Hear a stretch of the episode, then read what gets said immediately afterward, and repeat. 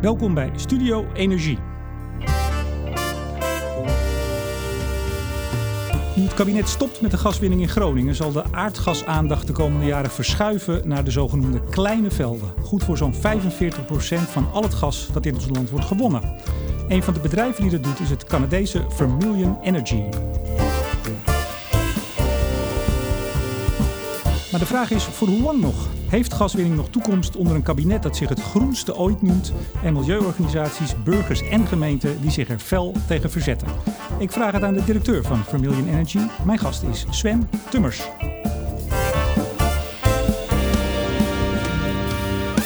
Deze uitzending wordt weer mede mogelijk gemaakt door de Nutsgroep en Team Energie van Ploemadvocaten. Meneer Tummers, hartelijk welkom. Dank u. Uh, we zitten op uw kantoor op de Zuidas in Amsterdam. Uh, uw hoofdkantoor staat in Harlingen. Daar was zaterdag een demonstratie. 150, 200 man begreep ik. Hebben u daar, althans het bedrijf, een rode kaart overhandigd? Hebt u die uh, ingelijst boven het, boven het bureau hangen? Nee, die heb ik niet ingelijst boven mijn bureau hangen. Ehm, dat klopt, dat was inderdaad een, een demonstratie. Er staat natuurlijk iedereen vrij om dat, om dat te doen. ik was zelf persoonlijk niet aanwezig daar. Daar heb ik bewust voor gekozen en we hebben de mensen ook uitgenodigd voor een, voor een dialoog. Waar, waarom bewust voor gekozen? Um, nou, er werden 500.000 mensen aangekondigd en we hebben gekeken op welke manier we dat zouden kunnen faciliteren. Uh, we hebben gezien dat dat uh, toch niet veilig bleek, um, ook gezien onze de locatie langs, uh, langs de weg daar. En we hebben dus de, voorafgaand daaraan in goede, goede overleg ook met de politie en de, de gemeente daartoe, daartoe besloten. en we hebben ook vooraf aan het, een demonstratie hebben wij de organisatoren uitgenodigd voor een, voor een dialoog. En dat is gebeurd? Dat is nog niet gebeurd. Die datum moet nog, moet nog komen, maar de deur staat open voor die dialoog. U bent sinds 1 februari uh, algemeen directeur van Vermilion. Ja, klopt. Bent u dat vrijwillig geworden of bent u, bent u aangewezen? um, ja, ik ben inderdaad voor benaderd. Um, Want u werkte al bij het bedrijf, hè? Ja, ik, uh, klopt. Ik ben begonnen als consultant. Um, daarna als productie-engineer begonnen verschillende banen gehad binnen het bedrijf. Uh, mijn laatste functie tot 1 februari was uh, commercial manager in het uh, MT. En vanaf 1 februari inderdaad directeur Nederland. die gesprekken zijn medio vorig jaar begonnen en langzaamaan werk je daar aan toe. Dus het is nog vrij vers. Uw voor, voorganger was Scott Seater, een Canadees. Die is weer teruggegaan naar Noord-Amerika. Begreep hij af en toe wat hier allemaal gebeurde in dit land? Uh, ja, we hebben uh, daar natuurlijk veel discussie over gehad. En dat, en dat, dat, klopt, dat is een hele terechte vraag. Um, in andere landen waar wij actief zijn gaat het, gaat het heel anders. Dus gaat de discussie heel anders. Um, we hebben de mensen in Canada al heel erg kunnen overtuigen van hoe het in Nederland gaat, hoe Nederland reilt en zeilt, hoe wij de overleggen met elkaar doen en hoe de vergunningverlening gaat in Nederland. Zij was daar inmiddels erg van doordrongen, inderdaad. Dat, dat was wel zo. Okay. Um, Canadees bedrijf, 200, 2004 naar Nederland gekomen grootste speler op land na de NAM. Over hoeveel gas hebben we het ongeveer? Wat wint u per jaar? Um, we zitten ongeveer op uh, een driekwart miljard per jaar. Dus tussen 700 en 800 miljoen een normaal Q per jaar wat wij, wat wij produceren.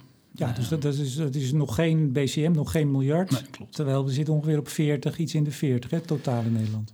Um, het totale getal van Nederland weet ik niet uit mijn hoofd, maar uh, we zitten onder een miljard nog per jaar. Dus relatief kleine speler, maar u bent de grootste na de NAM? Uh, op land wel, ja. Op land. Ja. Um, hoeveel, hoeveel velden, hoe, hoe, drukt u dat uit in velden of in putten? Of waar moeten we aan denken? Hoe groot bent u? Uh, ja, dat is ook, ook een goede vraag. Um, wij hebben uh, ongeveer uh, iets meer dan 100, 110 putten ongeveer. aardgasputten op, op land. We hebben dat verspreid over ongeveer 70 locaties. Um, we hebben die verbonden met ongeveer 350 kilometer pijpleiding en doen we een, met een paar honderd man. We hebben 100 man in dienst. Uh, en als daar nog boringen of projecten bij komen, zoals een seismische campagne, komen daar nog 100 tot 200 man bij. Want u hebt de laatste jaren een aantal, nou ja, ik zou bijna zeggen, putten overgenomen van andere partijen die daar niet zoveel heil meer in zagen? Um, ja, niet zoveel in zagen. Het is meer, um, als je iets koopt, dan ziet de koper er andere dingen in dan de verkoper. Dus dat is altijd is dat een, uh, een win-win situatie. Uh, wij hebben inderdaad uh, in het recente verleden wat velden overgenomen van andere operators. Um, en wij denken dat wij met de velden inderdaad in Nederland onshore uh, nog genoeg kunnen doen.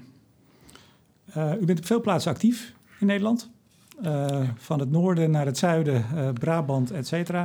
Nou heb ik in de voorbereiding op dit gesprek toch nog eens even de database erop nageslagen hoe u in het nieuws komt. En hoe vat ik dat nou mooi samen? Er is nogal eens wat gedoe Ehm, ik, zal u, ik zal niet met alles uh, zal ik u vermoeden, maar nou ja, Woerde verzet zich tegen dat u daar mogelijk gaat boren. Hè? Daar hebt u een concessie, maar bent u nog niet aan de slag. U hebt ook nog geen plannen, dacht ik. Hè? Nee, klopt. Het lijkt af en toe wel of u met de boor klaar staat, maar goed. Ja. Woede uh, verzet zich. Waalwijk ziet u liever gaan, daar bent u wel actief. U hebt conflicten gehad met SODM. Uh, hebt u geloof ik ook weer gewonnen. Maar goed, hè, er, er is uh, veel gedoe, verlies van een omgevingsvergunning. Volgens mij staat u heel vaak voor de rechter als bedrijf. Ja, eerlijk over zijn, dat klopt. Um, Raad van State, verloor nog een zaak om een omgevingsvergunning. Wat, wat zien we hier nou gebeuren? Um, ik denk de werking van een vrij land, wat je ziet gebeuren. Um, om het begin van de vraag in te gaan, we zitten inderdaad door heel Nederland. We hebben locaties in het noorden, in het zuiden, uh, ook in het midden. We zitten hier nu in Amsterdam, uh, komen dan de Harlingen Treatment Centers, twee in het noorden, één in het westen en één in het zuiden. Ze zijn goed verdeeld over, uh, over Nederland. Um, op de ene plek is wat meer weerstand dan bij de andere. En wat we hier zien gebeuren in mijn optiek is dat we gewoon leven in een democratisch vrij land, waarbij iedereen mag vinden wat hij of zij wil van een bepaalde activiteit. Uh, onze activiteit staat in, de, in de schijnwerper, staat nu onder een, uh, onder een vergrootglas. En we proberen daar zo goed mogelijk de invulling aan te geven. En dus ook de mensen die uh, daar een andere mening over toegedaan zijn, om die ook fatsoenlijk te woord kunnen staan. Maar wat, wat ik al zei, ik noemde een aantal dingen op, maar u wint ook dan weer vaak. Dat krijgt vaak wat minder aandacht, valt me ook op. Die last onder dwang zonder SODM, die was niet terecht zelfs, geloof ik. Hè? Ja, klopt. Um, u mocht de winning bij Herenveen voortzetten. U mocht doorgaan bij het Friese op, op einde. Dat zijn allemaal zaken, dacht ik, waar u dan toch weer in het gelijk bent gesteld.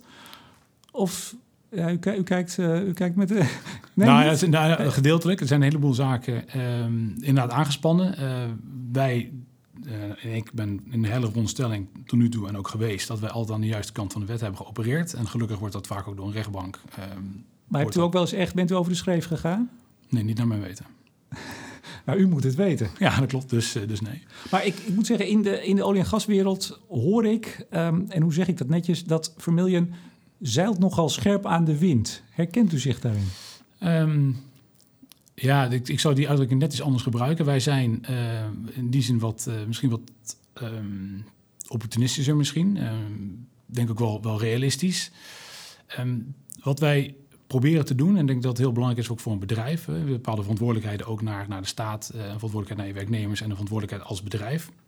Dat je um, in voorspelbare tijdspaden je activiteit probeert te ontplooien. Op het moment dat die tijdspaden niet gehaald worden volgens de planning die bijvoorbeeld ik voor ogen heb, um, ja, dan zullen we daar wat, wat steviger uh, in gaan staan.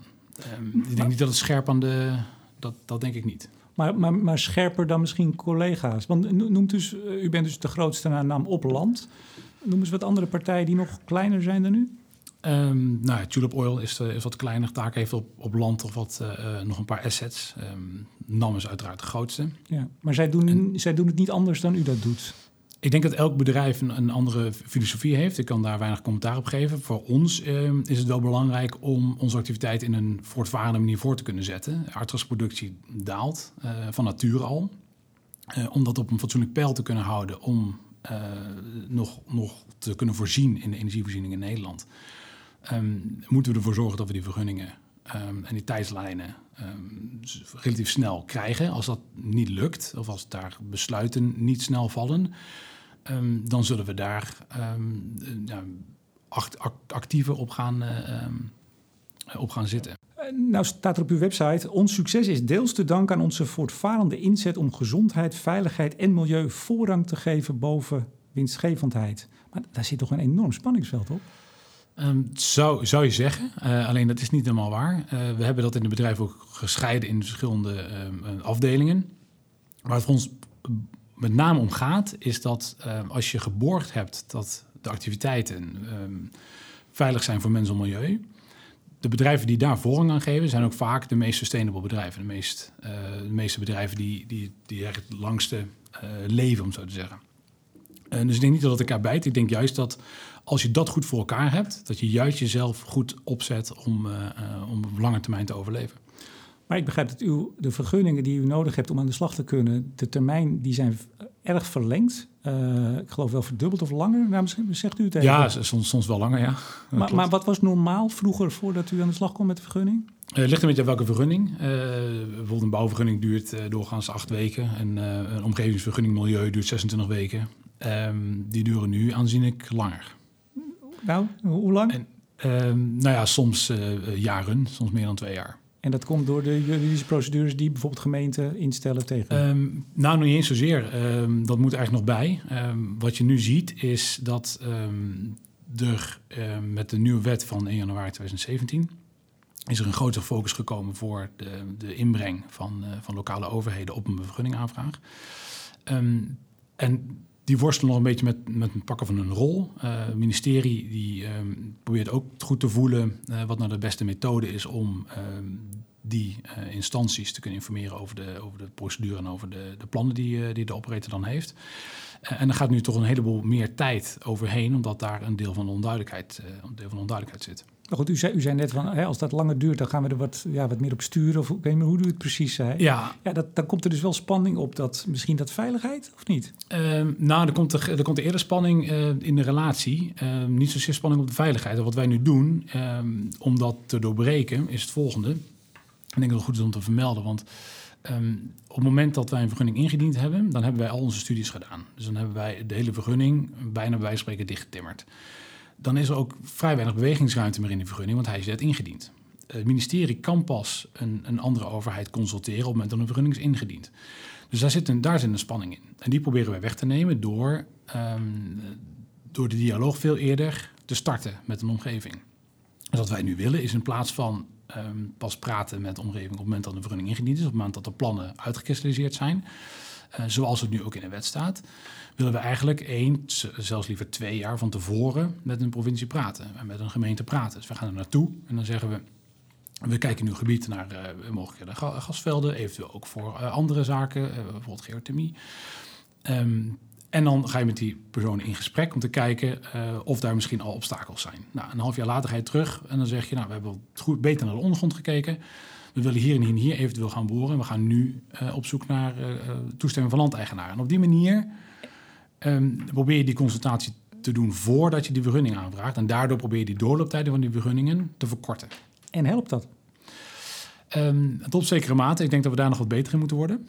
Uh, aan de vergunningverlenerkant, maar ook, uh, ook aan onze kant. Ik zie persoonlijk wel al de vruchten daarvan. Dat uh, provincies het heel erg waarderen en gemeenten en waterschappen... dat je daar voorafgaand al naar hun toe gaat. En dat je dus ook eventuele feedback van hen kan verwerken in een vergunning, vergunningaanvraag dan wordt het voor het ministerie ook makkelijker uh, om die consultatieperiode met hen uh, te doen. En ook voor een provincie en gemeente makkelijker, omdat zij die vergunning al een paar keer inhoudelijk gezien hebben. Maar dan gaat u nog niet met burgers praten, dat is nog niet het moment. Um, dan kunnen we ook al met burgers gaan praten. We hebben verschillende uh, inspraakmogelijkheden bij, bij die vergunningen. Um, de officiële is inderdaad in een zienswijzeperiode van een vergunning. Nou, in mijn optiek is dat veel te laat. je moet ook burgers als een hele belangrijke stakeholder op eerder betrekken bij je plannen. Maar zou, zou het kunnen zijn dat als burgers en de gemeente zulke uh, opmerkingen en bij dat u zegt, nou we doen het toch maar niet? Of is het toch eigenlijk wel, we gaan het doen en u mag nog een klein beetje meepraten?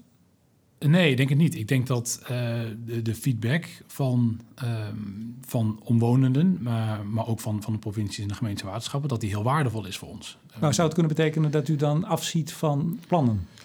Um, helemaal afzien wil, wil ik niet zeggen. Um, alleen die kan wel een andere vorm aannemen. Uh, misschien kan een locatie wat aangepast worden. Misschien kan, kan de locatie wat afgeschermd worden. We kunnen de effecten wat beter in beeld brengen. Voor maar dat is natuurlijk wat burgers vaak zo over klagen. Hè? Van er kan een walletje omheen en uh, we kunnen een beetje rekening houden met de vrachtwagens. Maar dat, dat is het wel. Ja, dat ben ik nog steeds niet helemaal uh, met u eens. De wensen van burgers proberen we zo goed mogelijk mee te nemen in de plannen. Aan de andere kant moeten we ook realistisch zijn. We hebben een bepaalde verantwoordelijkheid als, als bedrijf voor de energiestaat in Nederland. Um, we moeten ergens dat gas vandaan halen. En zoals de minister ook in zijn brief schrijft, um, die halen we het liefste uit, uit de Nederlandse grond. En import is daarover, ja, in zijn woorden, dus niet geprefereerd. Ja, we, we, hebben het over de kleine veldenbrief. Die is vorige week verschenen. Ja. En ik zag ook uh, persbericht van, uh, van uw bedrijf van Familie. En u zei uh, blij te zijn met de duidelijkheid die het kabinet nu geeft... over de rol van gaswinning uit kleine velden. Ja. Ja. U zei het al een beetje, maar wat, wat is de kern van de brief voor u? Um, nou, de kern is denk ik deels in, zit in die duidelijkheid. wat net al over de, de... Namelijk, we hebben het nodig, het zal, het moet. Um, nou, het, hij schept de kaders onder welke voorwaarden het mag, kan en moet. En daar zijn we heel blij mee. Uh, dezelfde duidelijkheid die we graag willen in die vergunningprocedures. Uh, we hebben net al gepraat over, over de Canadese mentaliteit ten opzichte van, van hier. Ehm, men vindt het niet erg dat het lang duurt, maar het moet voorspelbaar zijn. En dat vind ik ook belangrijk, maar zo moet ook de gaswinning in Nederland ehm, voorspelbaar zijn. Ook voor de werknemers hier is het belangrijk om te weten uh, waar dat naartoe gaat. Dus Krijgt u wel eens werknemers aan uw tafel die zeggen: Goh, Tummers, wat, uh, wat gaat er met mij gebeuren? Um, ja, eh, gedeeltelijk. Niet zozeer wat gaat er met mij gebeuren, maar wel waar gaat dit naartoe met de gaswinning in Nederland? en wat is, wat is het, het de endgame? Eh, dat wordt wel eens, eh, wel eens gevraagd, ja. Nou, nou schreef de minister inderdaad van nou, het is van belang en we kunnen beter zelf uit de grond halen dat we het uh, uit buitenland halen, ook wat CO2-footprint betreft, of, of, de klimaatafdruk. Maar nou stond er ook in, ik kies voor, even letterlijk citaat, ik kies voor de kleine velden voor een gestage afbouw waarbij gas wordt gewonnen zolang en in zoverre dat nog nodig is. Daar sprak toch weinig enthousiasme uit voor, voor gaswinning, vond ik. Ja, ik denk, ja, misschien ehm, uh, ja, ik weet echt niet wat, wat de minister daarmee dan, dan bedoelt. Hoe ik het lees, uh, is dat um, er heel duidelijke focus komt op um, de aardgaswinning in Nederland. Schept de kaders heel duidelijk voor de aardgaswinning in Nederland. En zegt ook heel duidelijk dat het aardgas uit de kleine velden uh, nog noodzakelijk is. En, ja, en dat kan ik natuurlijk toejuichen, um, omdat in die transitie zullen we echt nog aardgas nodig hebben. En dat is gewoon een, dat is een realiteit. Nou geeft het kabinet een, een stimulans voor uh, gaswinning op zee door, door de investeringsaftrek van 25 naar 40 uh, eh, algemeen, algemeen aftrek. Op land gebeurt dat niet. Um, vindt u dat terecht? Um, ik denk dat de minister daar een heel erg duidelijk signaal mee afgeeft voor um, eigenlijk de winning in kleine velden en wat onderscheid maakt tussen onshore en offshore. Ik denk dat het moeilijk vergelijken is, onshore en offshore. Uh, de is, is, de nood aan de, is de nood op zee meer aan de man dan op land? Um, in de zin dat als er niks gebeurt, stoppen we daar, stoppen operators en uh, kunnen we er ook nooit meer wat uithalen? Um, ik denk dat de, uh, ja, de barrier of entry naar offshore dat die hoger is dan, dan onshore. Um, de kosten zijn er hoger, logistiek is een uitdaging. Um, pijpleidinginfrastructuur is daar wat moeilijker aan te leggen dan, eh, dan in Nederland of in, dan onshore. Dus ik denk dat het daar um, uh, wat, wat beter op zijn plek is. Op land is het toch niet nodig? U hebt geen behoefte aan... Uh... Ik zou het heel erg verwelkomen. ik, ik heb liever uh, dat er op land meer aandacht komt voor, voor een, voor een tegemoetkoming aan de, de, gebieden waar het aardgas bijvoorbeeld gewonnen wordt. Maar u, hebt, u, hebt, u bent ook een fonds begonnen, dacht ik, in 2016, waarin u financieel bijdraagt aan regio's. Ja. Uh, moet ik dat zien als de bekende, en ik zeg dat met respect, spiegeltjes, kraaltjes, uh, een centje voor de, de voetbalvereniging. Is dat het of is het wat meer? Um, nou, ik denk dat het eigenlijk een, dat het helemaal niet is. Ik denk dat het een heel, heel iets anders is. Wat, wat, wat is het? Uh, het is inderdaad een manier voor ons om um, wat terug te doen voor de omgeving. dus net ons, ons Community Investment Fonds is waar, waar, waar je op doelt. Wat wij zien is dat um, er een, een, behoefte is aan een betere balans tussen uh, ja, burden en benefits, zoals we het hier noemen. En een deel daarvan proberen wij te doen um, door een bepaalde sociale verantwoordelijkheid te nemen. En dus een fonds op te richten um, waar echt iedereen waar, uh, die in principe wil, en voornamelijk de gebieden waar wij actief zijn, aanspraak op kunnen maken. En verzoeken kunnen, kunnen indienen. Maar maak hem eens concreet over wat voor bedragen hebben we het dan? Dat gaat om een paar ton per jaar. Per gebied? Uh, of, nee, of voor, voor, het bedrijf? Ja. Maar dat, in hoeverre verschilt dat nou van wat ik net zei? Ik zei het misschien een beetje gekscherend, maar de voetbalvereniging kan aanspraak maken, kan een verzoek indienen om wat uit het fonds te krijgen. Ja, dat kan. Dat kan zeker. Ja. Maar dat is, dat is verder niet gekoppeld aan, uh, aan al onze activiteiten. Dus het gaat voornamelijk om um, een manier voor ons om een bepaalde sociale verantwoordelijkheid te nemen. Ja. Nou, nou schreef de minister ook dat hij vindt dat de winning op land uit kleine velden alleen kan als het veilig is. Nou, dat spreekt voor zich, maar ook als het verantwoord kan. Ik vroeg me af, hebt u enig idee wat hij met verantwoord bedoelt? Want dat betekent ook eigenlijk aanvaardbaar. Aanvaardbaar, verantwoord. En dat lijkt me een heel zacht criterium. Of ziet u dat anders? Um, ja, ik heb dat niet helemaal uh, ontleed. Ik weet niet exact wat de minister daarmee bedoelt. Uh, ik ik grijp terug op wat ik eerder zei over uh, de veiligheid van mensen en milieu, dat die voorop staat. Um, de sustainability van een bedrijf hangt daar ook van af. En ik denk dat als we dat in ogenschouw nemen, um, dat is een hele belangrijke voorwaarde voor aardgaswinning in Nederland. En ik denk dat je daarmee een bepaalde verantwoordelijkheid neemt voor de mensen en het milieu en voor je als bedrijf. En ik denk dat de minister daarmee dat doelt. Laat ik het anders zeggen. Ehm, ik zei het eigenlijk al in de intro, hè, met, met de stop op Groningen. Het duurt nog even, maar in ieder geval, daar is de strijd wel gestreden. En die is gewonnen door heel veel mensen die, uh, die dat zo snel mogelijk wilden.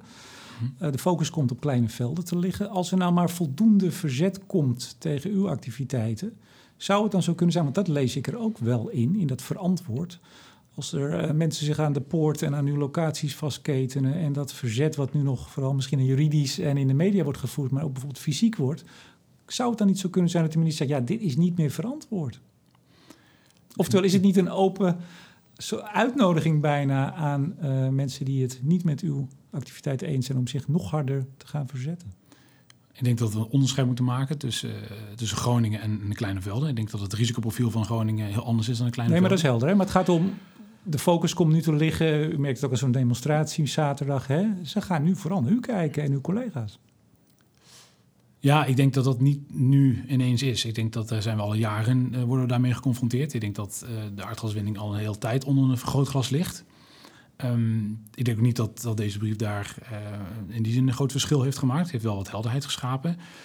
Um, maar ik denk wel dat de problematiek waar, waar, Groningen mee zit, dat dat niet vergelijkbaar is met, uh, met de kleine velden. En dat er dus een verschil is tussen die veiligheid of, of onveiligheid en de perceptie daarover. Maar dat is helder. Maar ik probeer het nog één keer. Um, u bent blij met de duidelijkheid in de brief. Er worden kaders ingezet, maar hij zegt ook, de minister, het kabinet zegt, het moet ook wel verantwoord kunnen. En ik vraag u eigenlijk, introduceert het kabinet daar niet een hele zachte, een zacht criterium mee, waarbij misschien toch uw werkzaamheden op een gegeven moment kunnen eindigen? Um, uiteindelijk uh, zou dat kunnen. Ik denk dat, wij, dat de rol van aardgas en energiemix over decennia daadwerkelijk verandert. En ik denk dat wij daar een, een goede speler in zijn om dat te kunnen uh, faciliteren. Um, ik denk dat de minister ook wel een, een deur openzet uh, daar naartoe. Ik denk dat dat ook niet, um, geen verrassing is. Ook voor oliegasbedrijven zoals de onze is dat geen verrassing. Maar het kan nog wel even duren voordat, voordat dat zo is. Olie en gas is één van uw activiteiten, of gas eigenlijk. Hè? U zit niet in de olie, hè? In Nederland niet. Produceer nu geen olie. Nee. Nou bent u, even kijken, anderhalf, twee weken geleden aspirant lid geworden van DAGO, de Vereniging van uh, de Nederlandse Geothermie Operators. Klopt. Uh, waarom eigenlijk? Um, ja, ik denk dat dat een van de voorbeelden is waarin wij een concrete uh, rol pakken en ook een concrete verantwoordelijkheid pakken uh, in de energietransitie. Uh, we hebben net al kort gehad over de, de afbouw van, van aardgas. Nou, daar moet iets voor in de plaats komen. En een deel wat daarvoor in de plaats kan komen is, is geothermie. Wij zijn in Noord-Holland begonnen uh, met uh, het ombouwen van twee aardgasputten naar geothermieputten. Ik denk dat de volgende stap voor ons inderdaad uh, het aspirant lidmaatschap van DAGO is, waar we voornamelijk zullen beginnen met, met kennisoverdracht. Heeft u gezegd, produceren die putten al in Noord-Holland? Nee, nog niet. Wanneer gaat het gebeuren? Um, ook daar zijn we afhankelijk van de nodige vergunningen. Um, dus ik weet niet exact wanneer het kan gebeuren. Wat wij nu aan het doen zijn, is we zijn um, bezig met studies ten aanzien van de integriteit van de putten, uh, de debieten die ze kunnen halen ten aanzien van de, van de geothermieproductie die we graag willen halen. Um, en natuurlijk de plannen voor de daadwerkelijke um, oppervlakteinstallatie in de pijpleiding naar, uh, naar. Maar hebt u al een afnemer? Want normaal is de, de huidige installatie eigenlijk meestal door tuinders gedaan die het zelf gebruiken. Hebt u al een afnemer voor als u gaat produceren? Ja, die hebben we ook. die zit aan de andere kant van, de, van, de, uh, van het gebied. Nee, dus het is niet een, een leuk studie, studieprojectje. Uh, dit is wel. Uh, nee, dit is concreet. Dat gaan, we ook, dat gaan we ook echt doen. Ja, want dat, dat kan u namelijk, en dat wordt u geloof ik ook af en toe alles voor de voeten geworpen. Ja, die jongens die gaan in geothermie. Uh, staan ze ook eens aan de goede kant, zou je bijna ja. zeggen, hè? aan de, de, de hernieuwbare kant. is dat niet een beetje wat op de loer ligt? Dat je toch misschien daarmee een wat andere positie binnen die hele discussie over energiewinning ja. krijgt? Uh, ja, die, die feedback krijg je. En het is nogmaals, nogmaals wat ik in het begin zei, het is een vrij land. Uh, die feedback krijg je. Ik denk dat wij toch uh, doorgaan met, met die concrete voorbeelden. zoals geothermie in, in Noord-Holland, zoals aansluiten bij DAGO. die de, ook de, kennisoverdracht kan faciliteren. Wij kunnen faciliteren met data. Um, en een derde wat wij doen, dat is nog niet aangekondigd, maar dat komt binnenkort. Um, en wij zijn in vergaande gesprekken om een, met een derde partij om ook biogas aan te sluiten op onze infrastructuur. En dat dat via onze treatment center ook naar de afnemers uh, getransporteerd kan worden. Heb je weer een klein primeurtje? Ja, misschien. Ik uh, denk niet dat het uh, al onbekend is, maar ook biogas staat op onze radar. We hebben gekeken naar eigenlijk alle manieren van hernieuwbare energie. En ik denk dat gezien onze kennis, expertise en infrastructuur, dat geothermie en biogas dat, dat uh, de twee belangrijkste ehm, industrieën zijn waarin wij kunnen faciliteren en waar we dus ook actief ook in participeren. Maar het is dus niet zoals ik over twee jaar weer bij u hier op de kamer zit, dat er allemaal niks van geworden is en dat het allemaal een beetje leuk voor de bühne was. U bent serieus? Ik ben serieus. Nou was vorige week het eh, masterplan geothermie gelanceerd, ehm, mede door EBN opgesteld, uh, nou, staatsolie- en gasbedrijf. En ik las daarin dat er onderzoek gedaan gaat worden naar de impact van het lidmaatschap van, uh, of de toetreding van olie- en gasbedrijven in die geothermie-sector op het draagvlak voor geothermie.